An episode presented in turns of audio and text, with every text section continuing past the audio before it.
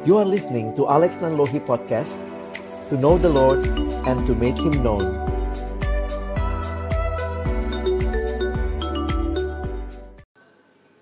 Bapa di dalam surga terima kasih banyak. Tuhan berkenan kembali menyatakan kehendak-Mu bagi kami. Sore hari ini kami akan bersama-sama membuka firman-Mu. Bukalah juga hati kami. Jadikanlah hati kami seperti tanah yang baik supaya ketika benih firman-Mu ditaburkan boleh sungguh-sungguh berakar, bertumbuh, dan juga berbuah nyata di dalam hidup kami.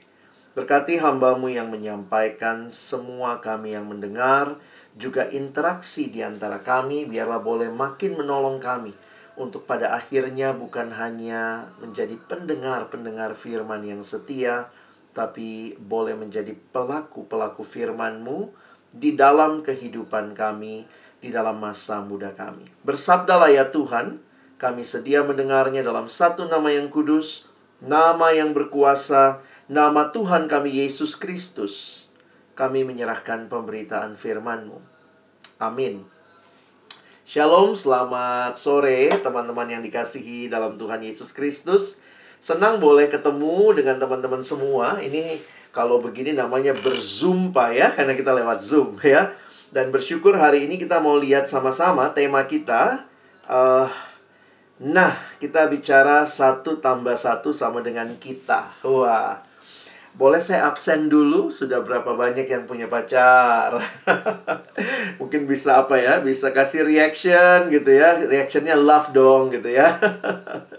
Silakan ya. Kalau sudah punya pacar, apakah banyak di sini yang sudah pacaran? Oke, okay. ya. Thank you ya. Ada yang sudah menikah, Cilani udah menikah ya. Terus ada juga yang mungkin uh, yang lain sudah menikah juga. Tapi pertanyaannya, uh, kenapa slide ini keluar belum dipencet ya? nah, di Indonesia tuh kita bahasa basinya tuh biasanya kaitannya sama ini ya. Oh, uh, udah punya pacar belum gitu ya? Pokoknya banyak orang yang biasanya merasa insecure, kayaknya nggak ada habisnya gitu ya.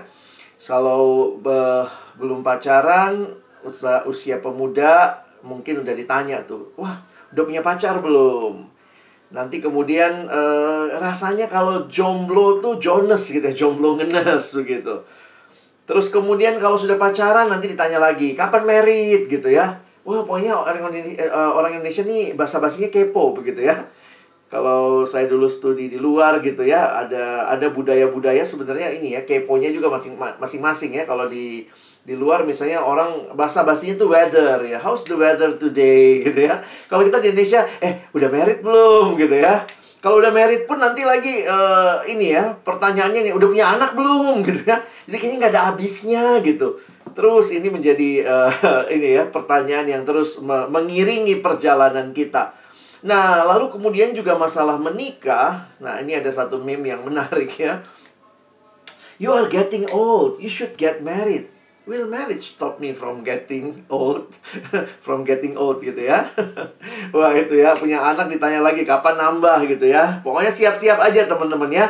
Itulah budaya kita yang sering kali itu menjadi bagian pembukaan percakapan. Dan juga banyak yang mengatakan begini ya, udahlah menikah aja biar lu bahagia gitu ya.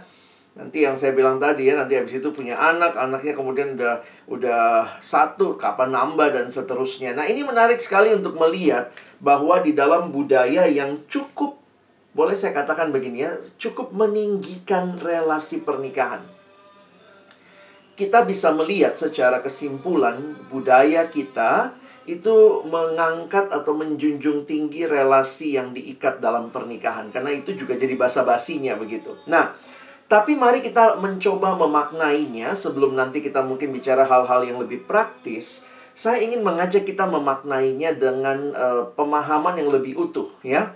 Kalau orang ditanya tentang apa arti hidup, maka sadar atau tidak, sebenarnya setiap kita sedang menghidupi sebuah cerita. Jadi ada sebuah cerita yang sedang kita hidupi dan dalam cerita itulah kita melakukan berbagai pilihan, kita membuat berbagai persiapan begitu ya. Saya setuju dengan pendeta Timothy Keller yang mengatakan kalimat ini. Orang tidak bisa membuat apa pun menjadi sesuatu yang masuk akal atau memiliki arti tanpa sebenarnya menempatkannya di dalam semacam alur cerita. Nah, alur ceritanya macam-macam ya. Ada orang yang mungkin cerita besarnya duit, duit gitu ya. Maka kenapa kamu kuliahnya ini? Kenapa kamu kerjanya ini? Kenapa kamu investasinya ini? Itu semua terkait dengan cerita besarnya. Karena saya maunya duitnya seperti apa. Nah, ada juga yang mungkin cerita besarnya adalah bagaimana S2, S3, studi. Maka semua pilihan-pilihannya mungkin terkait dengan hal itu. Jadi sadar atau tidak, setiap kita sedang menghidupi sebuah cerita seperti sebuah kacamata yang kita pakai yang melalui lensanya kita sedang melihat kehidupan. Sama ya kalau kita pakai kacamata misalnya berwarna hitam maka ya semuanya akan jadi terlihat hitam. Seandainya kacamatanya berwarna merah maka gambarannya itu maka cerita itu akan membuat juga yang kita lihat jadi merah begitu ya. Ini merupakan satu bagian yang menarik untuk kita perhatikan. Tetapi kalau kita mencoba memperhatikan sebagai orang Kristen, apa sih bedanya kita yang kenal Tuhan dengan mereka yang mungkin tidak secara langsung mengenal siapa Tuhan dan Juru Selamat? Maka ada kalimat yang menarik untuk kita pikirkan ya. If life is a story, there must be a storyteller. Jadi bagi kita orang percaya, sebenarnya kita terhisap di dalam cerita besar, yaitu cerita besarnya Allah, God's big story.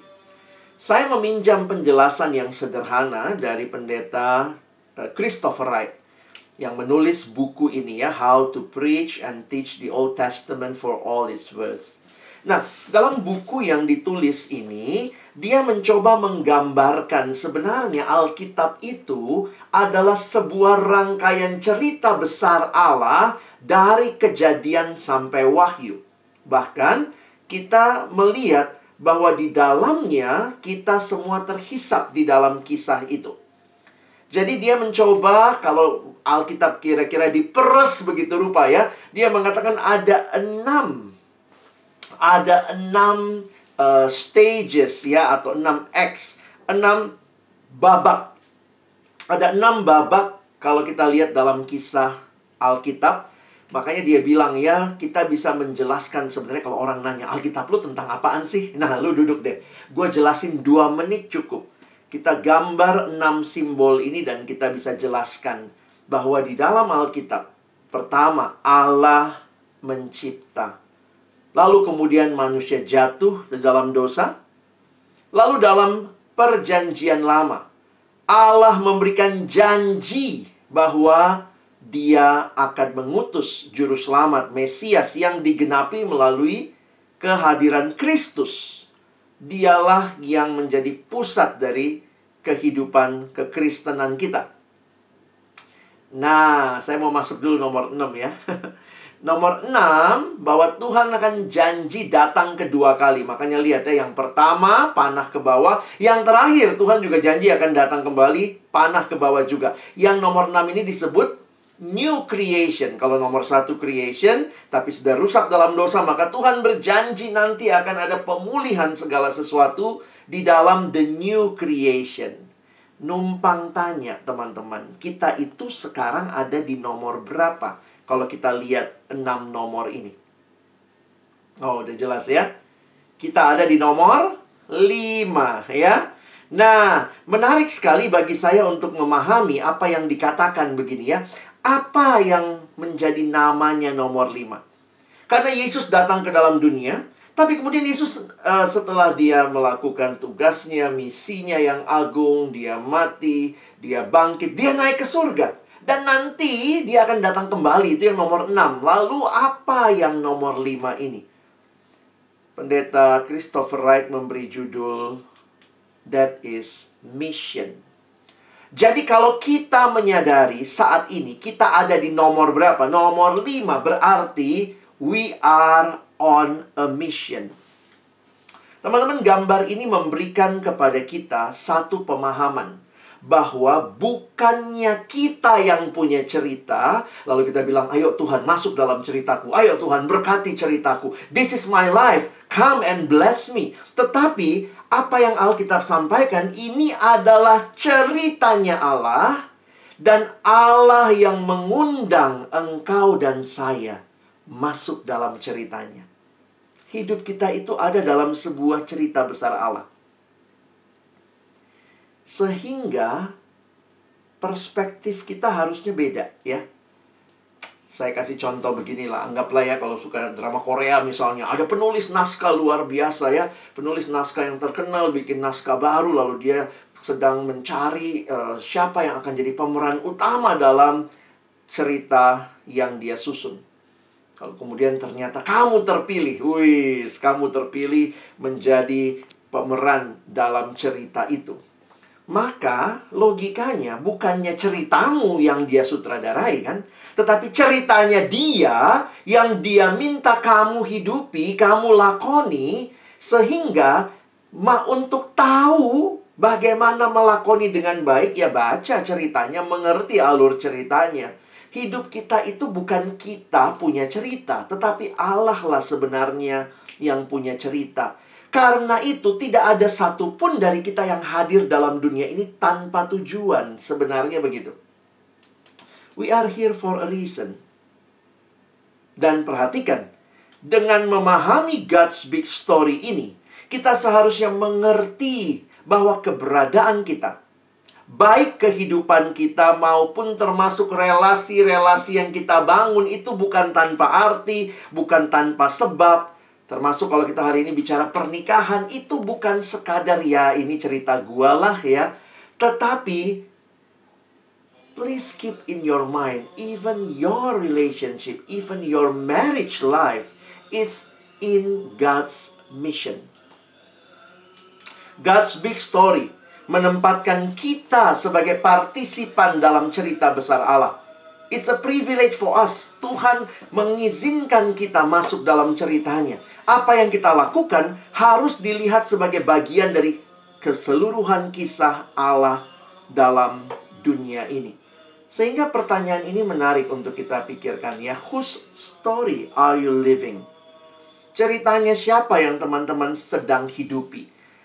Kalau kita melihat relasi-relasi kita, tadi kita sudah baca kejadian 2 ayat 18 sampai 25. Saya tidak ulangi, tetapi kita bisa lihat beberapa ayatnya di sini.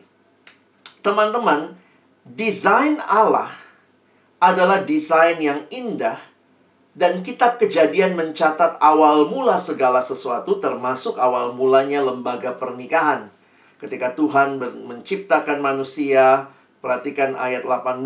Tuhan Allah berfirman tidak baik kalau manusia itu seorang diri saja. Aku akan menjadikan penolong baginya yang sepadan dengan dia. Setelah di dalam bagian sebelumnya, kejadian 1, kejadian 2 bagian awal, Allah mencipta dan dikatakan baik, baik, baik, sungguh amat baik. Maka pertama kali di Alkitab kita muncul kata tidak baik itu di kejadian 2, 18. Tidak baik kalau manusia itu seorang diri saja. Aku akan menjadikan penolong baginya yang sepadan dengan dia. Inilah rancangan Tuhan yang indah. Termasuk kalau kita perhatikan, karena ayat-ayat ini sering kali dikutip untuk menyatakan kesatuan suami dan istri. Tapi lihat ya, di ayat 19 lalu Tuhan Allah membentuk dari tanah segala binatang hutan, segala burung di udara. Saya kaget juga waktu baca pertama ya. Kan Tuhan bilang, gak baik manusia itu seorang diri. Kenapa Tuhan gak langsung kasih Hawa? Ya, Tuhan bikin dulu kebun binatang ini kayaknya ya. Lalu Tuhan Allah membentuk dari tanah segala binatang hutan, segala burung di udara, dibawanya semua kepada manusia dan melihat untuk manusia memberi nama ya. Jadi manusia kasih nama ya.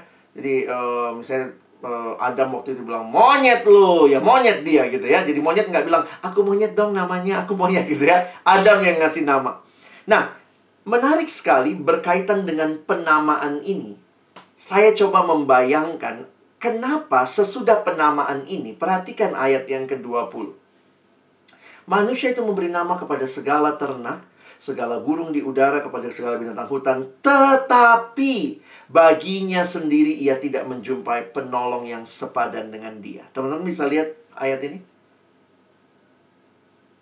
Kalau di ayat 18 tadi, siapa yang bilang tidak baik manusia seorang diri? Allah. Tetapi Allah tidak langsung ciptakan Hawa.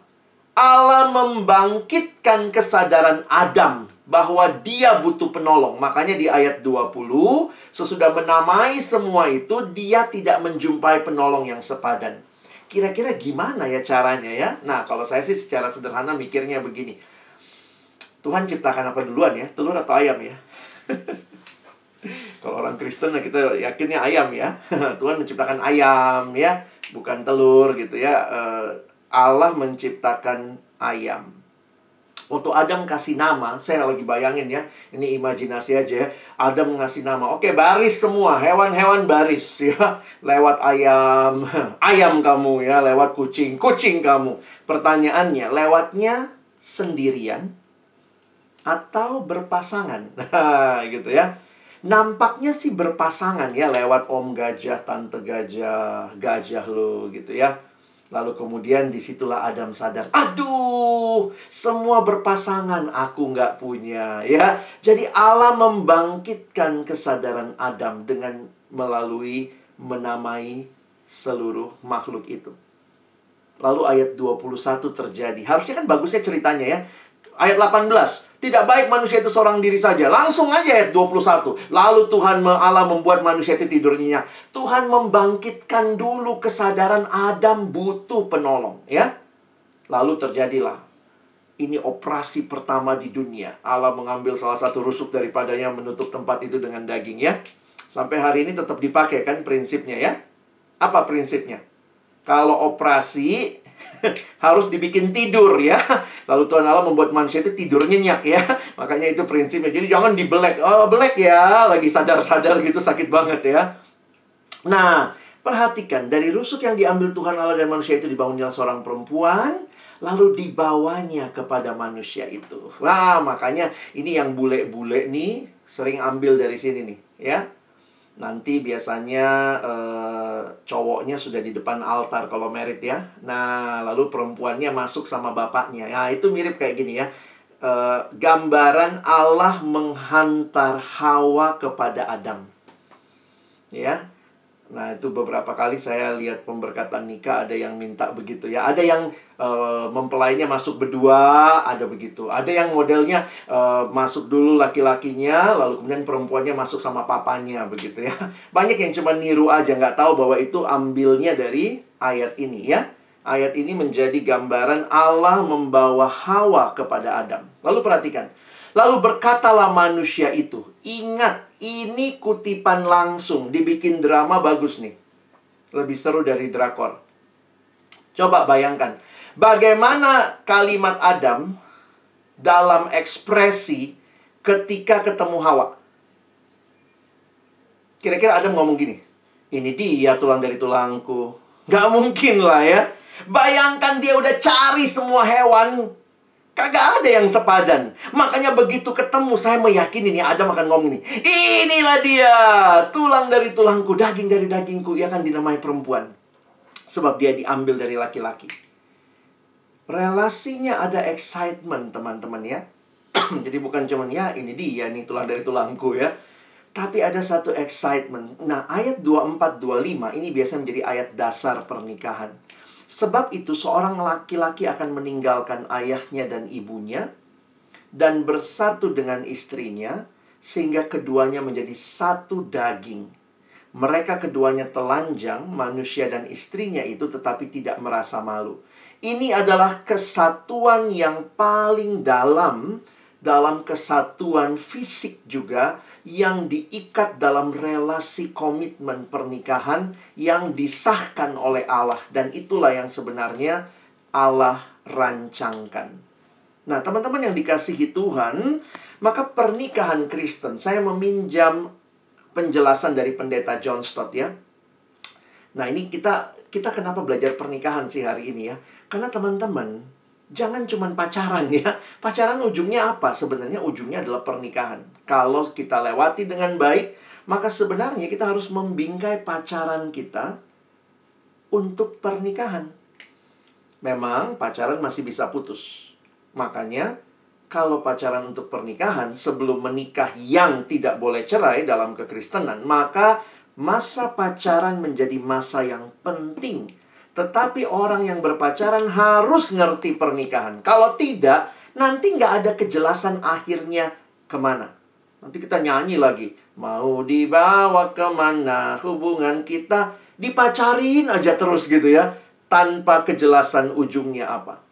Alkitab bicara soal pernikahan. Dan ayat-ayat tadi disimpulkan oleh pendeta John Stott ada lima hal tentang pernikahan. Pertama, pernikahan Kristen adalah pernikahan heteroseksual.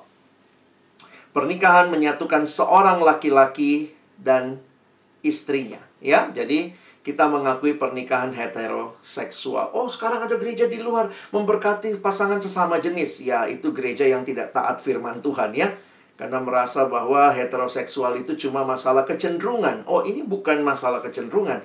Ini masalah penetapan Allah. Ya.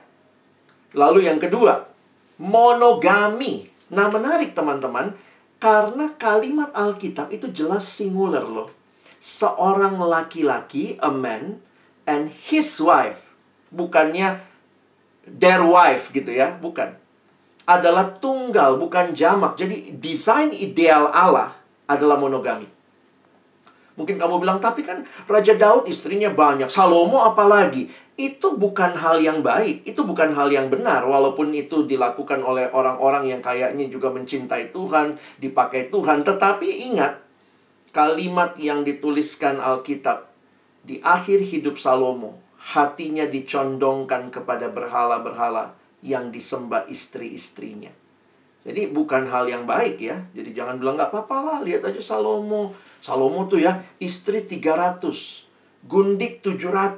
Total 1000. Wih teman-teman hebat banget ya.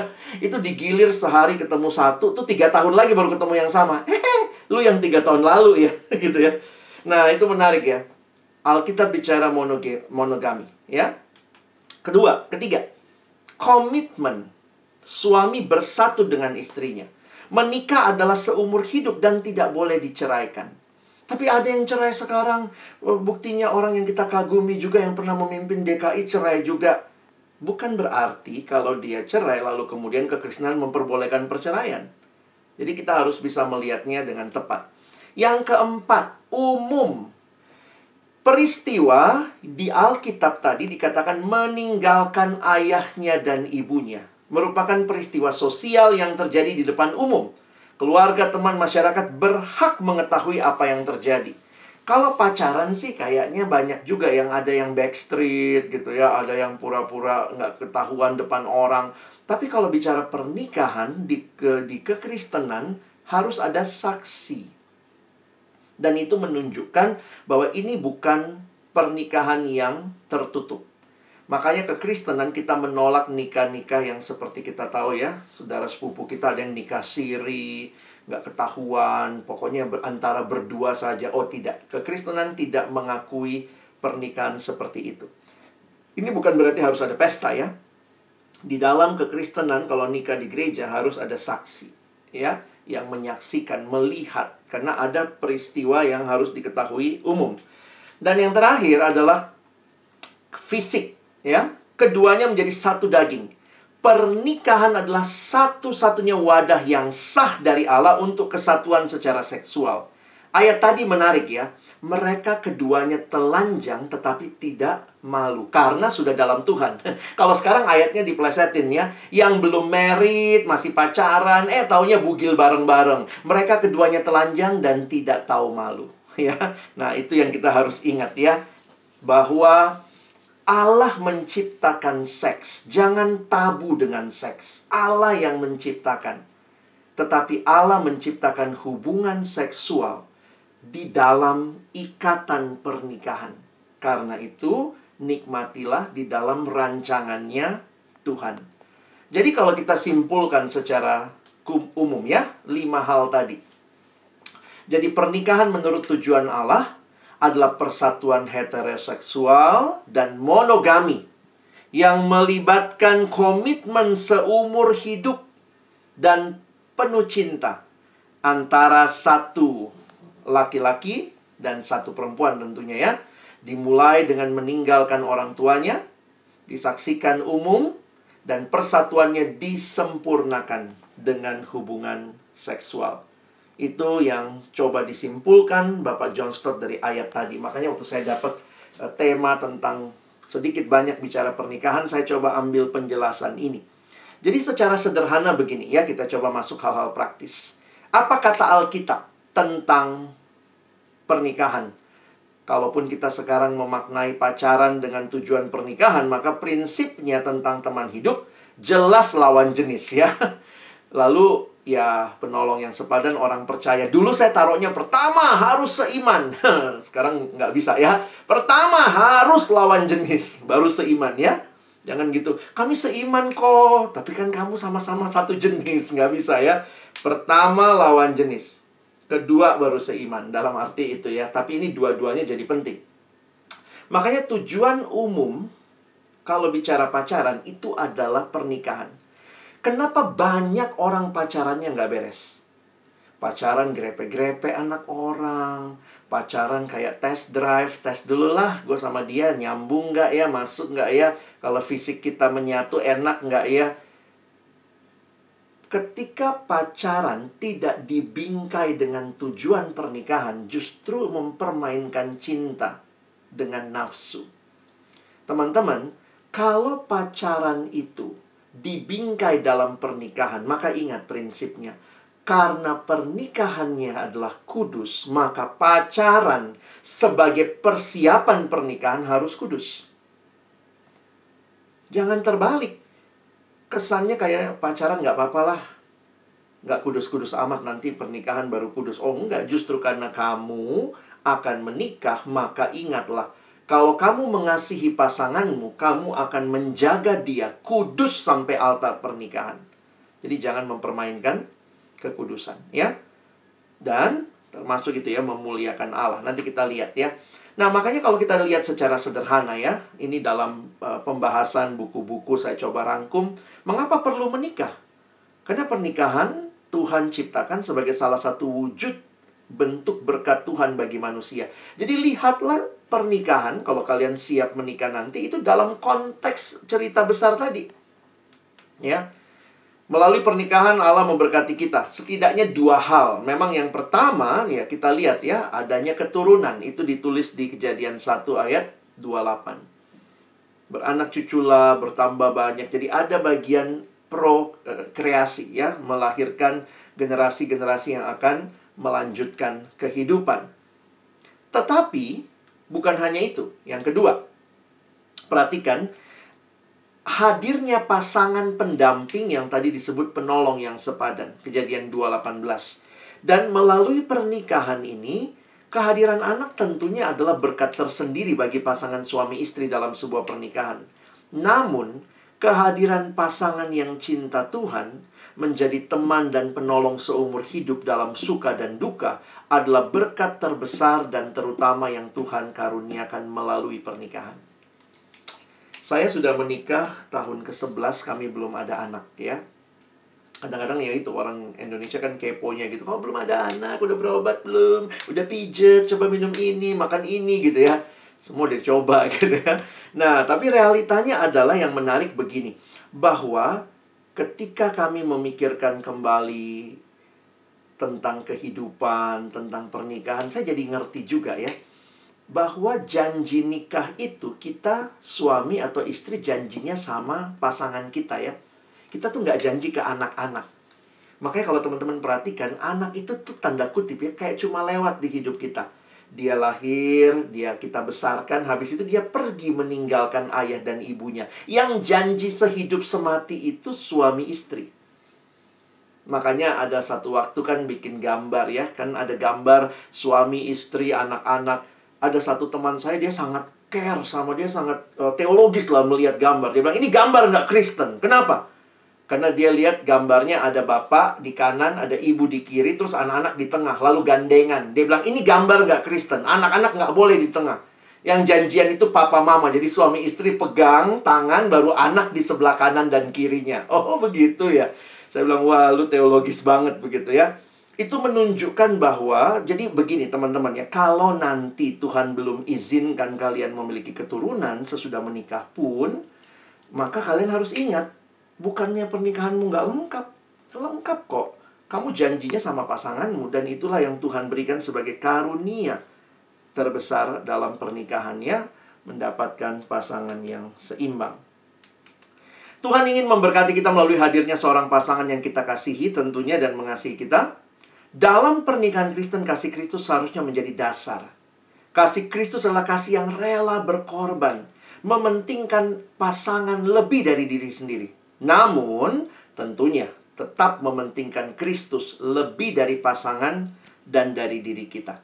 Sehingga justru hadirnya pasangan membuat kita dapat menikmati kasih Kristus dan menyatakan kasih Kristus. Nah, ini beberapa tips terakhir saja ya. Bertumbuh bersama pasangan. Tuhan ingin kita bertumbuh dalam iman dan karakter, semakin kenal dan memuliakan Tuhan melalui pernikahan. Sebagaimana besi menajamkan besi, orang menajamkan sesamanya. Berelasi dengan pasangan yang cinta Tuhan, seharusnya membuat kita makin bertumbuh dewasa dalam iman, kasih, dan juga karakter kita. Dan ini kalimat 1 Korintus 10 ayat 31 ya. Saya waktu renungkan ayat ini kayaknya Paulus ngomongnya memang menarik ya. Kayaknya receh banget kata anak sekarang. Aku menjawab kata Paulus, jika engkau makan atau jika engkau minum atau jika engkau melakukan sesuatu yang lain, lakukanlah semuanya itu untuk kemuliaan Allah. Wih, receh banget ya. Makan untuk kemuliaan Allah. Minum untuk kemuliaan Allah. Atau jika engkau melakukan sesuatu yang lain, berarti termasuk pacaran, termasuk menikah, maka itu harusnya untuk kemuliaan Tuhan. Masa makan untuk kemuliaan Tuhan, minum untuk kemuliaan Tuhan, tapi pacaran untuk kesenangan pribadi. Nggak klop, teman-teman ya. Jikalau hal lain saja untuk kemuliaan Tuhan, apalagi pernikahan. Karena itu persiapkan pernikahan dengan baik. Pilih dengan baik pasanganmu. Salah pilih, ngeri ya. Duka cita nantinya. Nah, untuk dapat menikmati keindahan berkat Tuhan, maka persiapan penting. Nah, itulah masa pacaran. Tapi juga kita harus ingat bahwa pacaran harus ada kelanjutannya, yaitu pernikahan. Karena itu bagaimana buat teman-teman yang sudah lama pacaran, pertimbangkan dengan baik. Belajar berpikir bijaksana, mau pacaran berapa lama? pacaran kelamaan juga nggak bagus ya. Karena pacaran itu sudah dekat, tapi kan belum boleh ngapa-ngapain. Nah, itu kan membuat ya makin lama ya makin bisa jatuh dalam dosa ya. Siap menikah umur berapa? Apa yang sudah disiapkan? Dan mungkin pertanyaannya bukan cuma ini ya, banyak yang bilang, wah sekarang tertolong lah kak, pestanya lagi pandemi lebih murah begitu ya. nah, tapi poinnya adalah uh, ini yang bagi saya yang kedua nih bukan cuma nyiapin uang untuk pesta, tapi sudah siapkah kita menjadi penolong bagi pasangan kita? Di Indonesia, usia pernikahan itu sudah direvisi ya. Jadi dulu Undang-Undang 1974 itu hanya mengatur usia minimal perempuan.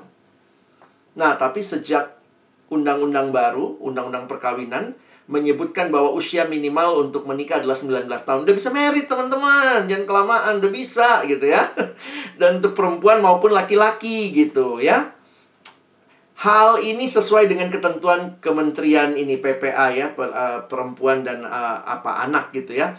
Karena di Indonesia dalam undang-undang kita disebutkan kategori anak adalah usia di bawah 18 tahun. Jadi sekarang diatur tuh, baik laki-laki maupun perempuan minimal usianya 19 tahun. Nah, jadi kalau memang siap menikah, persiapkan gitu ya.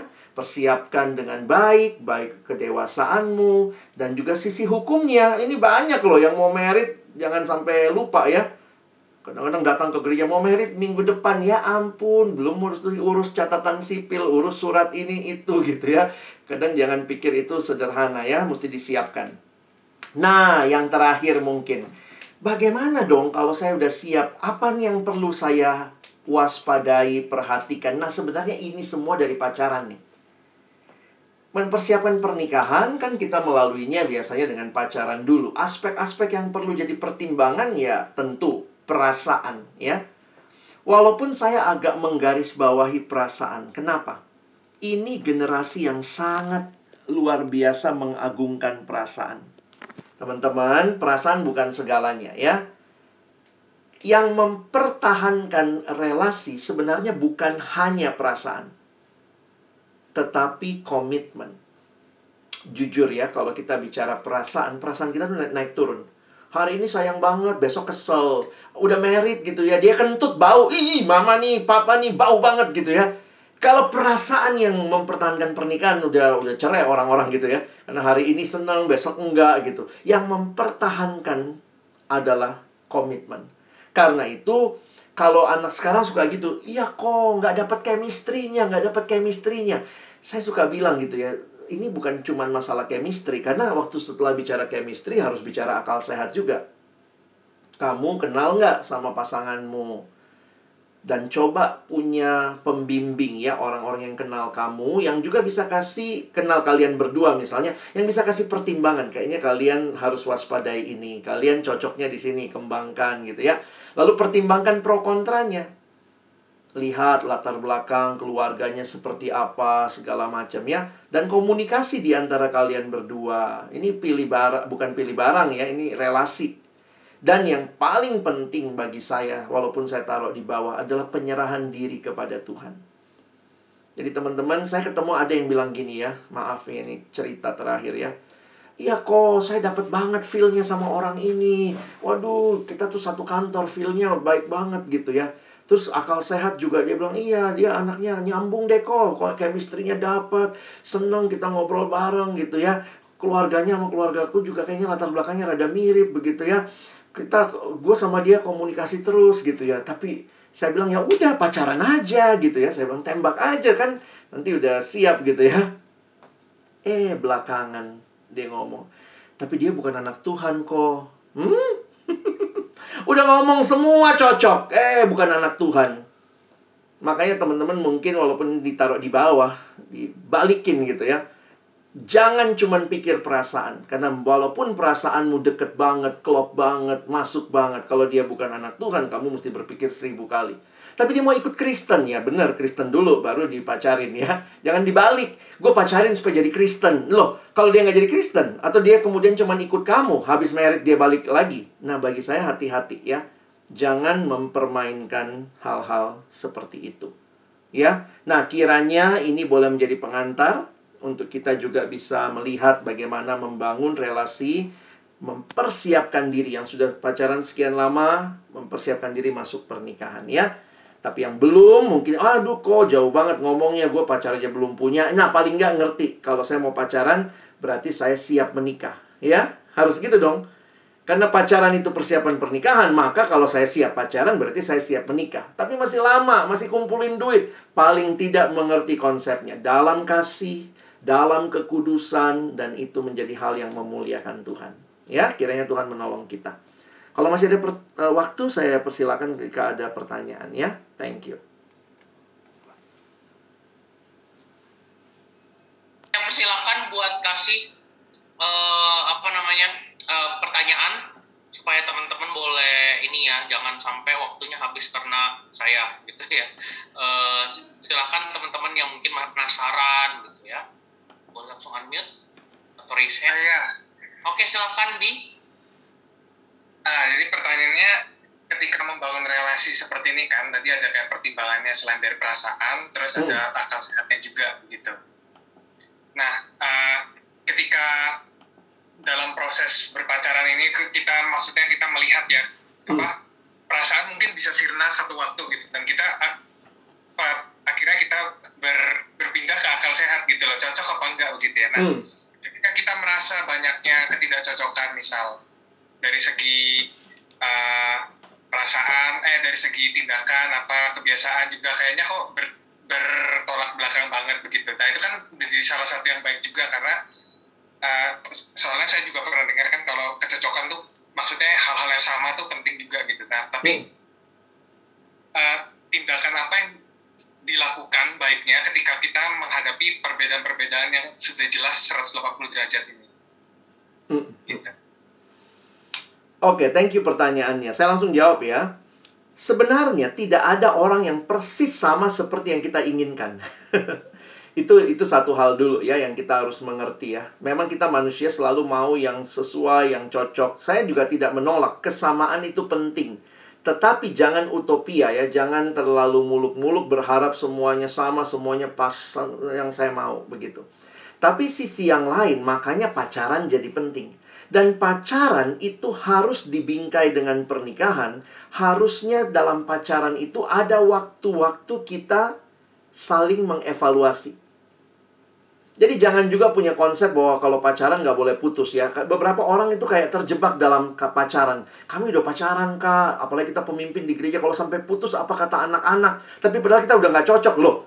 Maka sebenarnya pengenalan yang dalam dan saya usulkan cari pembimbing yang bisa menolong kalian. Maksudnya mungkin kenal kalian berdua, sekali-kali ajak ngobrol, terus cerita mungkin ya. Karena ini ini relasi sih ya. Jadi sebaiknya setiap misalnya kalau kalian udah pacaran berapa lama saling mengevaluasi. Kalau misalnya dia ada hal-hal yang kayaknya gue nggak cocok sama dia. Nah kita lihat nih, ada yang bisa diubah nggak? Dalam arti begini ya, tentu nggak mudah loh saya harus katakan ya. Jangan juga utopia bahwa uh, saya menikah untuk mengubah dia. Aduh susah. Realitanya nggak segampang itu. Tetapi pertanyaan lebih jauh, walaupun ada hal yang harus diubah, tapi lebih penting mungkin kamu siap nggak terima dia dengan segala kelebihan dan kekurangan. Nah, di situ tuh kita perlu tuh sama-sama, maksudnya gini, dia bertumbuh nggak dalam Tuhan. Makanya buat saya kadang-kadang kriteria rohani itu lebih penting ya. Dia bertumbuh dalam Tuhan nggak? Karena kalau dia bertumbuh dalam Tuhan, saya punya keyakinan maka dia bisa berubah dalam hal-hal yang mungkin uh, masih masih buruk dalam hidupnya. Tapi beberapa kali saya ketemu pasangan yang masalah perbedaannya itu masalah kebiasaan. Kalau gue di rumah begini orang rumah gue, kalau di gue orang rumahnya begini, lalu kemudian tanpa sadar kita merasa keluarga saya lebih baik daripada keluarga dia. Nah itu sebenarnya beberapa kali runcingnya perbedaan membuat orang akhirnya konflik. Padahal sebenarnya itu simple ya. Simple dalam arti memang nggak mudah tapi ya mesti dilewati. Waktu udah menikah tuh kita akan lihat tuh berbagai perbedaan. Saya sama istri bedanya apa? Dia lipat selimutnya nggak rapi saya lebih rapi lu saya bilang wah saya lebih bagus. Kami awal awalnya tuh berantem gara-gara lipat selimut. Saya lipatnya tuh ujung ketemu ujung. Dia yang penting kelipat. Nah ternyata realitanya tuh nggak segampang itu. Kita harus akhirnya saya belajar gitu ya. Itu kan nggak prinsip juga ya kalaupun nggak dilipatnya nggak begitu emangnya kami harus berpisah? Nggak nggak nggak begitu juga ya. Nah banyak hal yang kalau dari pacaran kalian tidak siap sebenarnya pernikahan itu akan makin membukakan siapa pasanganmu ya kalau pacaran masih banyak kosmetiknya lah tebal-tebal gitu ya begitu udah merit baru lihat begitu bangun pagi ya ampun jelek banget sebelah gua misalnya gitu ya jadi mungkin itu aja dulu uh, untuk wawasannya ya oke terima kasih Alex ini ada pertanyaan yang masuk juga nih ke saya. Ya. Uh, dia bilang kalau uh, Alex kalau misalnya tidak siap secara finansial kan itu jelas kalau misalnya ya. secara uang masih belum ready gitu ya hmm. menghasilkan belum stabil tapi kalau misalnya mengenai cocok gak ya rohaninya itu gimana nyambung gak ya akal sehatnya itu itu kita gimana sih supaya tahu atau gimana sih supaya bisa nilai dia secara benar gitu satu hal yang saya lihat lebih baik begini ya, makanya jangan pacaran dalam kesendirian, saya dan dia saja. Perkenalkan kepada komunitas yang kenal kamu. Komunitas yang bisa kira-kira juga belajar melihat dia. Makanya teman-teman eh, ada banyak cara lah ya. Bahkan di sekolah-sekolah teologi yang belajar konseling, untuk orang-orang yang baru mulai pacaran itu ada tesnya.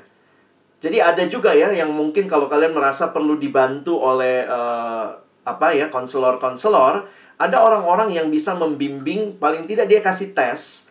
Dalam tes itu di awal kita jadi tahu nih perbedaan kita dan itu kemudian jadi sesuatu yang kita harus work out nih. Kita harus lakukan apa nih? Misalnya saya mesti lebih sabar nih.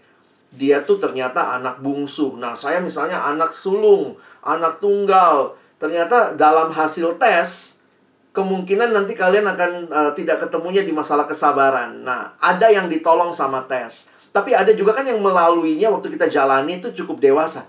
Gue sama dia kok nggak nyambung banget ya. Nah, terus kemudian kita mesti work out juga. Kita coba selesaikan lah, solve ya. Gimana nih? Nah, bagi saya, uh, kalau kita punya komunitas, maka komunitas juga memberi masukan. Realitanya gini teman-teman, kalau kita lagi jatuh cinta, kadang-kadang kita sangat subjektif yang objektif itu biasanya adalah orang-orang yang dekat dengan kita, yang kenal kita. Nah, itu mungkin kalian bisa minta bantuan. Makanya pacaran itu sebenarnya bawalah ke dalam komunitas. Perkenalkan gitu ya. Terus kemudian kalau sudah makin serius, perkenalkan sama keluarga. Kita butuh pandangan orang lain. Memang pada akhirnya yang mengambil keputusan kita ya. Saya menikah apa tidak. Tapi sering kali orang-orang ini jadi cara Tuhan juga meneguhkan kita uh, ya banyak contoh lah ya. Saya banyak contoh tapi mungkin karena ini bukan uh, prinsipnya adalah kenal baik-baik dan bukan cuma kamu yang kenal, biarkan komunitasmu kenal. Kalau perlu cari konselor, datang ke hamba Tuhan sehingga akhirnya makin terkonfirmasi. Karena kan kamu lagi cari konfirmasi, bener nggak sih? Misalnya nanti ngobrol gitu ya. Nah, waktu ngobrol dengan orang-orang yang sudah menikah, nah kita dapat wawasan tuh. Mungkin itu dulu. Oke, terima kasih. Uh, ini ada Marcella Chen udah uh, raise hand ya. ya. Silahkan ya. boleh langsung aja unmute.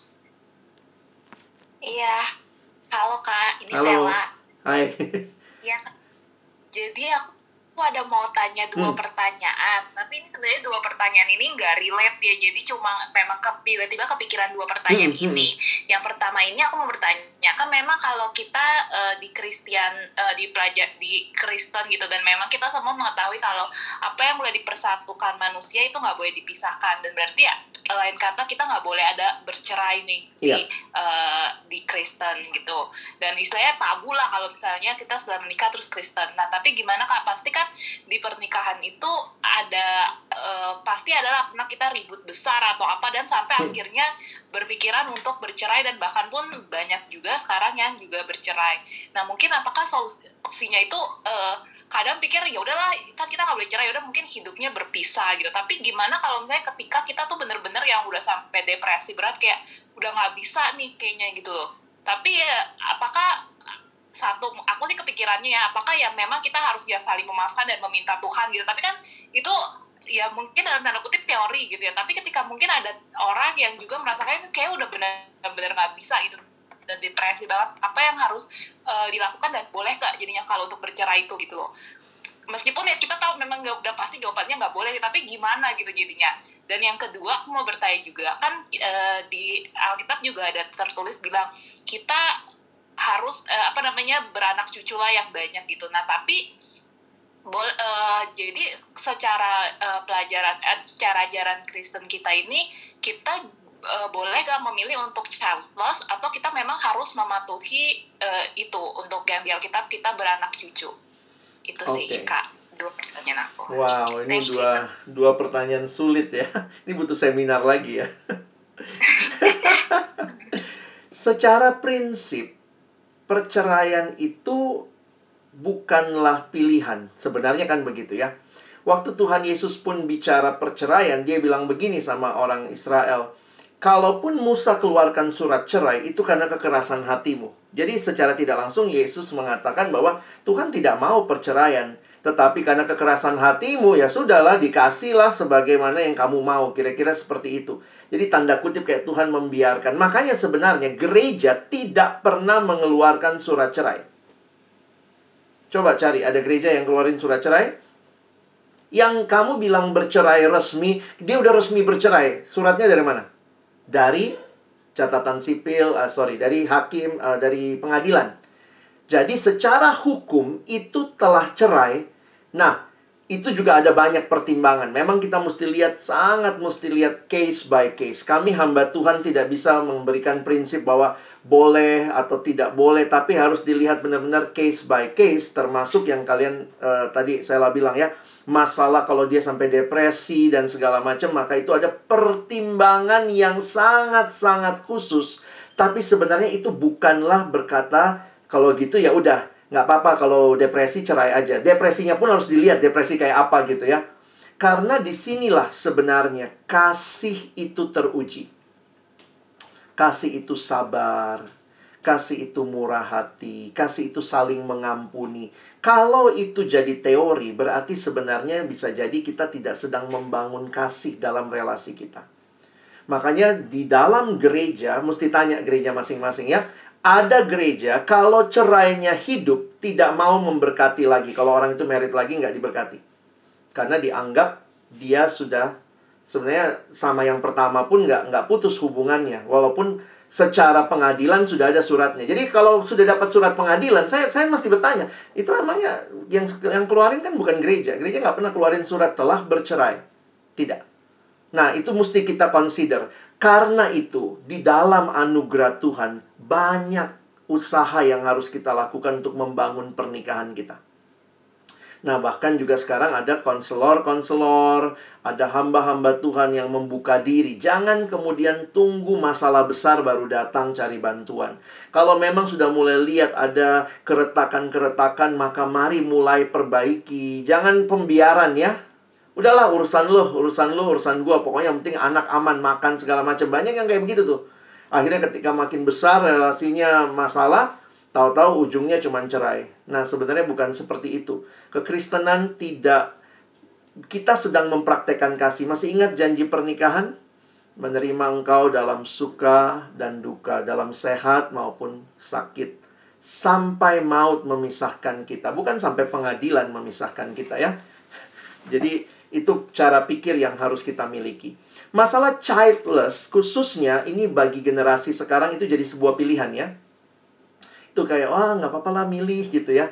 Uh, mau childless. Saya saya mengkritisi lah. Saya uh, harus katakan bahwa filosofinya childless itu karena memang nggak mau punya anak itu banyak di dunia barat dengan orang-orang yang modern begitu ya. Uh, perlu kita lihat bukan berarti orang Kristen setuju anak banyak ya. Karena kekristenan juga mendukung program keluarga berencana.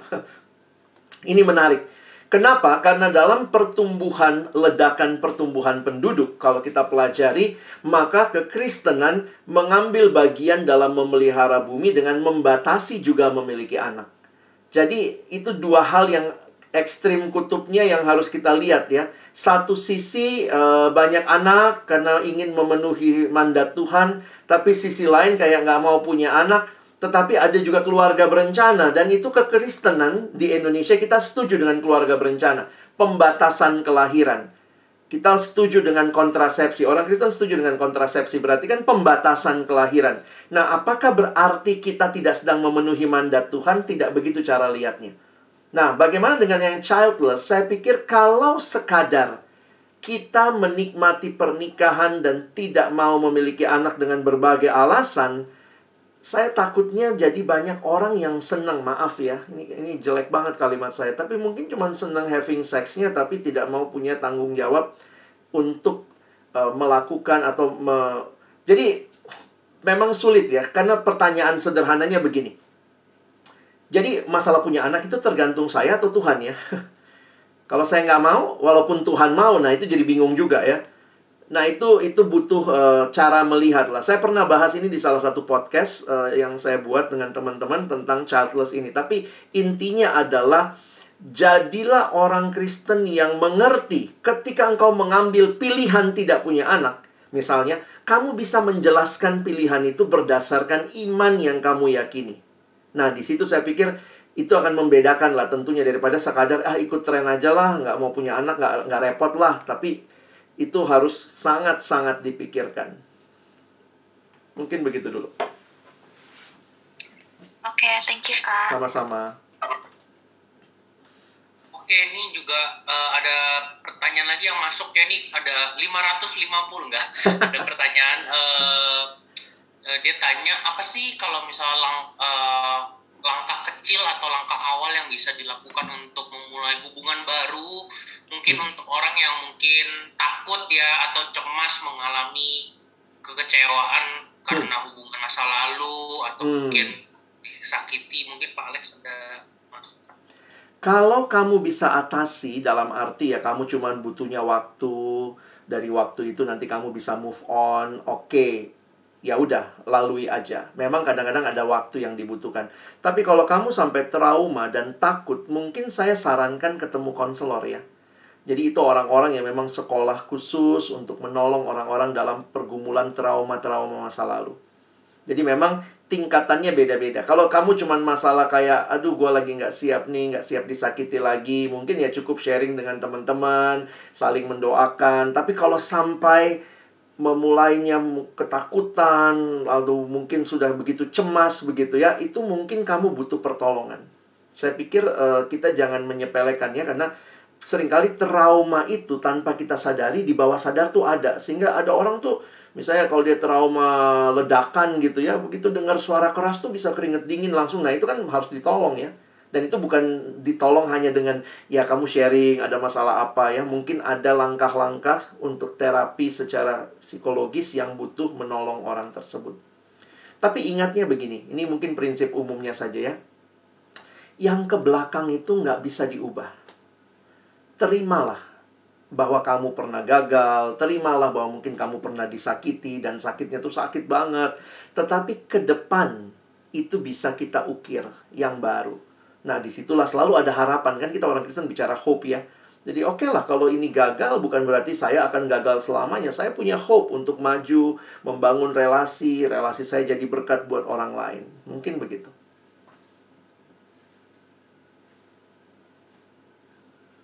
Oke, terima kasih.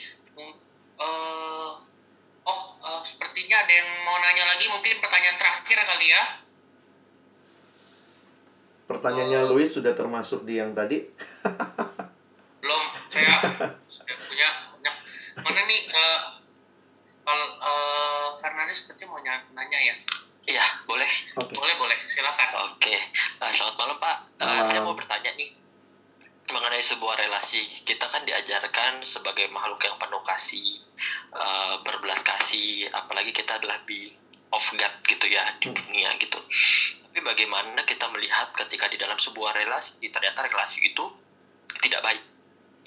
Di dunia saat ini di kehidupan saat ini terlihat bahwa di dalam sebuah relasi itu ada sebuah kayak uh, kekerasan toksik ya gitu ya. uh, ya hubungan toksik seperti itu gitu. Sedangkan di dalam Alkitab juga dikatakan tadi disampaikan juga bahwa kita itu tidak boleh bercerai karena apa yang sudah dipersatukan Tuhan tidak boleh dipisahkan kan. Lalu bagaimana kita sebagai seorang Kristen ketika kita menghadapi permasalahan itu? Kita bagaimana mencari masalah itu eh, mencari bagaimana cara penyelesaiannya. Sedangkan ketika kita sudah sampai di konselor, ya pasti konselor untuk mengajak untuk kita kembali gitu tetapi posisinya kedua orang ini iya setelah keluar dari konselor ternyata di dalam relasinya tetap seperti itu bahkan bahkan bisa lebih parah lagi daripada sebelumnya hmm, hmm.